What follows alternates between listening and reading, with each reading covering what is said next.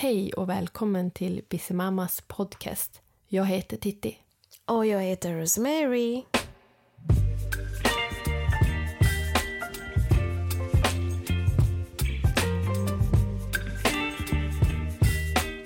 Hej och välkomna på Busy Mamma Podcast. Hej och idag så har vi en hemlig gäst.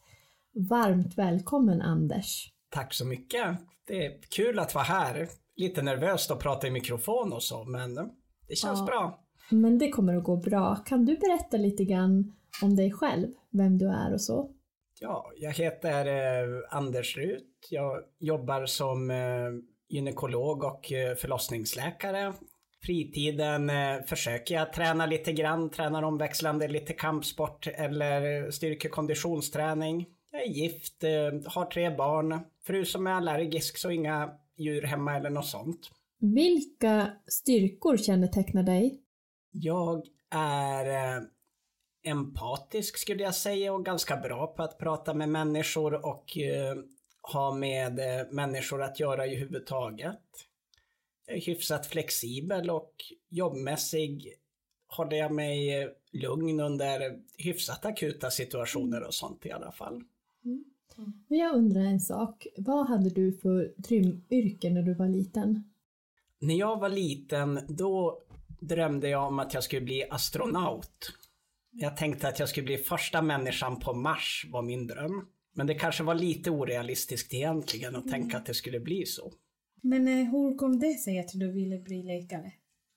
I- gynekolog? Egentligen eh, ville jag ganska länge inte bli läkare. Min eh, pappa var läkare och eh, det var väldigt många som sa att vi var väldigt lika och trodde att jag skulle bli läkare så jag sa att det ska jag egentligen, ska jag absolut inte bli. Och sen eh, någon gång runt, jag tror att det var när jag gjorde lumpen så började jag titta på vad ska jag göra efteråt och bläddrade i olika kurser på universitetet eller olika program där.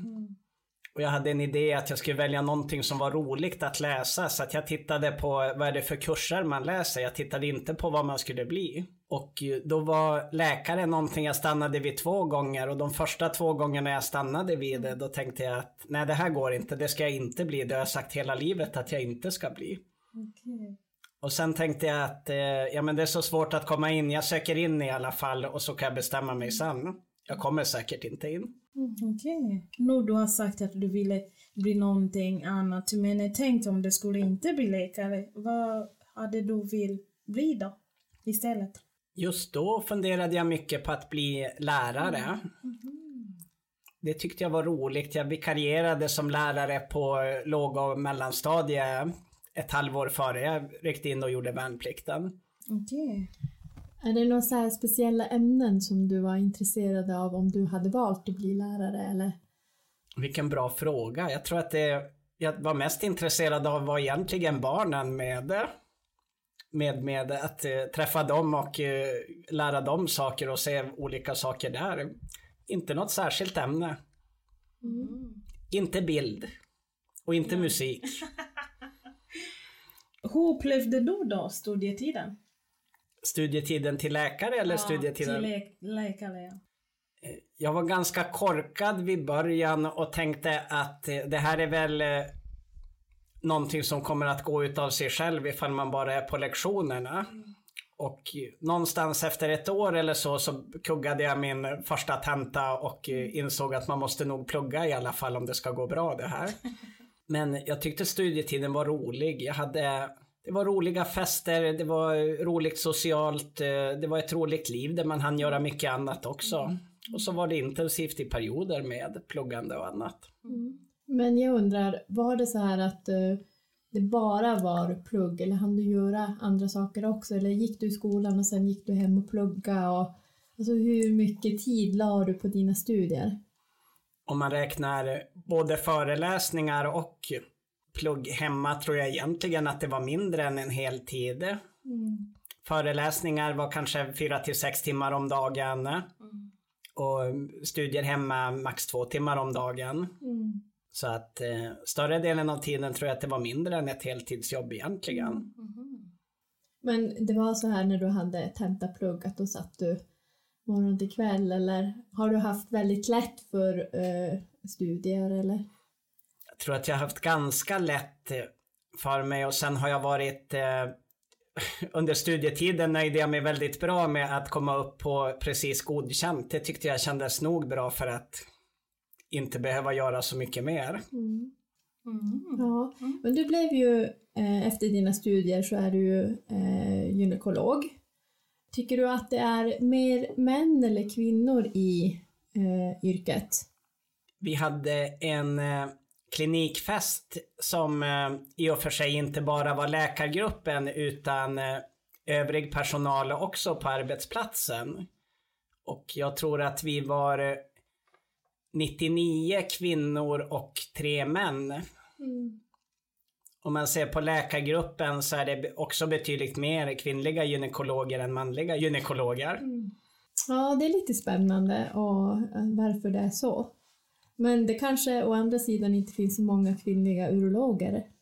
Vet inte, det finns, eh, det finns i alla fall någon eller några på Sunderby sjukhus där jag jobbar. Jag vet inte hur tydligt det är i andra specialiteter men just eh, gynförlossning är det väldigt tydligt att jag tror att någonstans 75-80% av läkarna är kvinnor. Ja, på urolog det finns eh, väldigt många kvinnliga urologer också.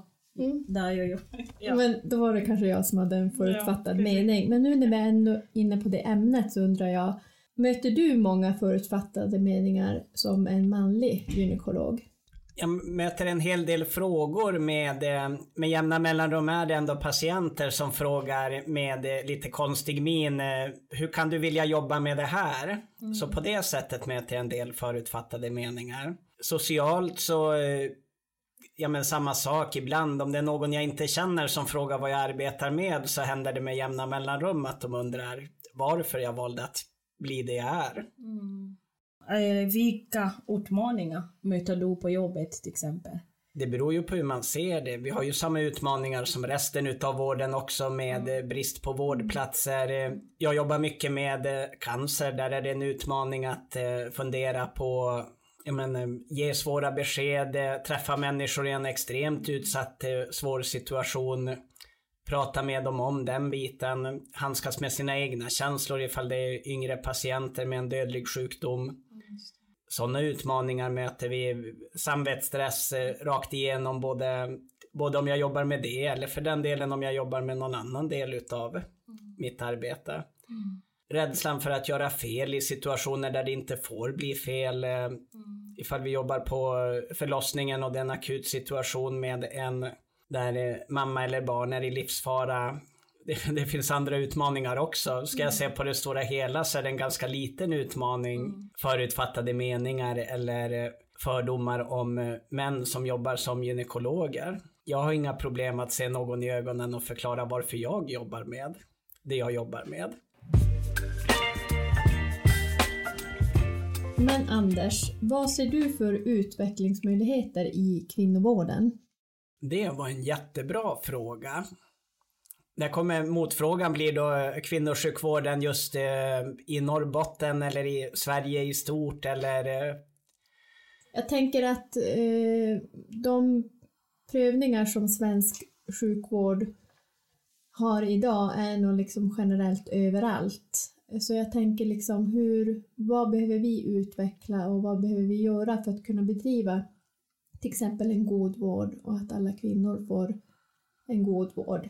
Jag tror att vi behöver bli bättre på att tydligt berätta vad är en god vård och vad, hjälp, vad räcker begränsade resurser till för någonting.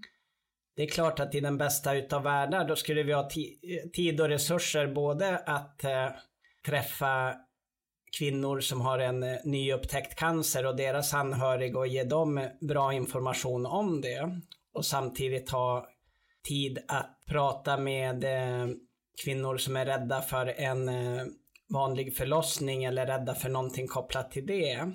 Vi skulle ha tid att undersöka alla som är oroliga vid en tidig graviditet för normal smärta eller normala besvär.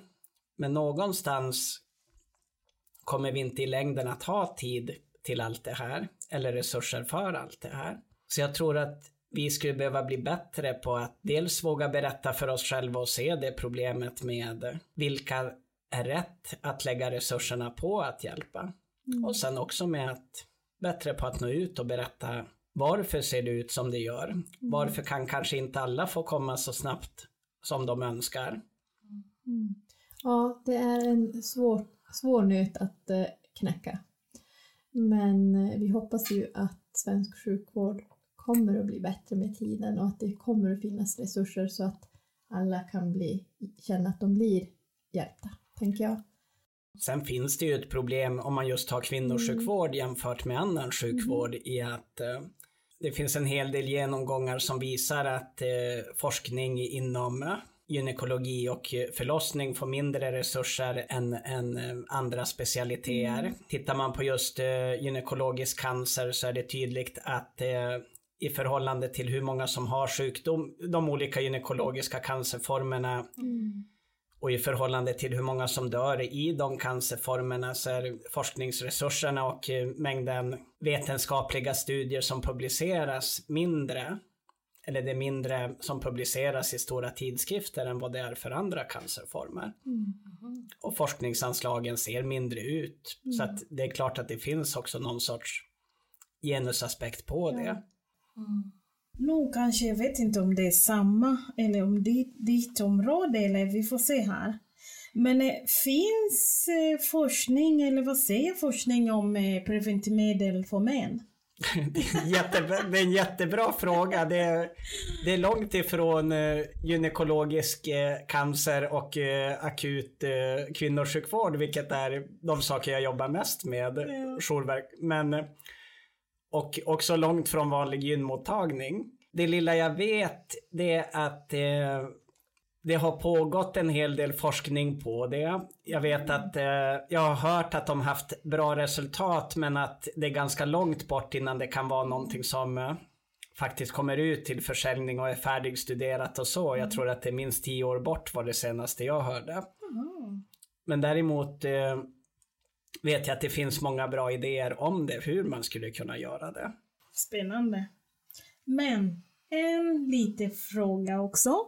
Om det skulle finnas alltså preventivmedel mot män, för män, skulle du våga prova? I sak, ja. Eh, Just nu tror jag att det, det hade berott på vad min fru sa för någonting. Hon är väldigt nöjd med sin hormonspiral som preventivmedel just nu och har inga problem med den. Jag vet att det är ett säkert behandlingsalternativ. Men som alternativ till att hon skulle äta p-piller eller använda något annat preventivmedel, absolut. Jag skulle gärna prova och se ifall, ifall jag mådde bättre eller sämre än henne med det. Ja, jag förstår det. Ja, men då kommer vi till nästa fråga här eh, och det är att har du fått några privata konsultationer till exempel under en middag där dina gäster eller någon har frågat om sina gynekologiska besvär? Vanliga eh, bekanta som man bara träffar kort eller något sånt extremt sällan. Det är få som när man träffar dem första gången säger vad ska jag göra åt mina svampbesvär eller klåda eller blödningsbesvär eller någonting annat i den vägen. Det är många som frågar när de är gravida och frågar om den delen utav mitt jobb. Hur de ska tänka eller vad de ska göra. Sen händer det väl fortfarande att eh, någon släkting frågar eller någon nära vän frågar om någonting. Det händer definitivt med jämna mellanrum. Är det som besvärande tycker du eller känns det som helt okej att svara på sådana här frågor när man är privat? Jag tycker oftast känns det helt okej. Det känns som en väldigt konstig situation om det är på en fest och någon jag träffar första gången börjar fråga någonting. Mm, det förstår jag. Ja, precis.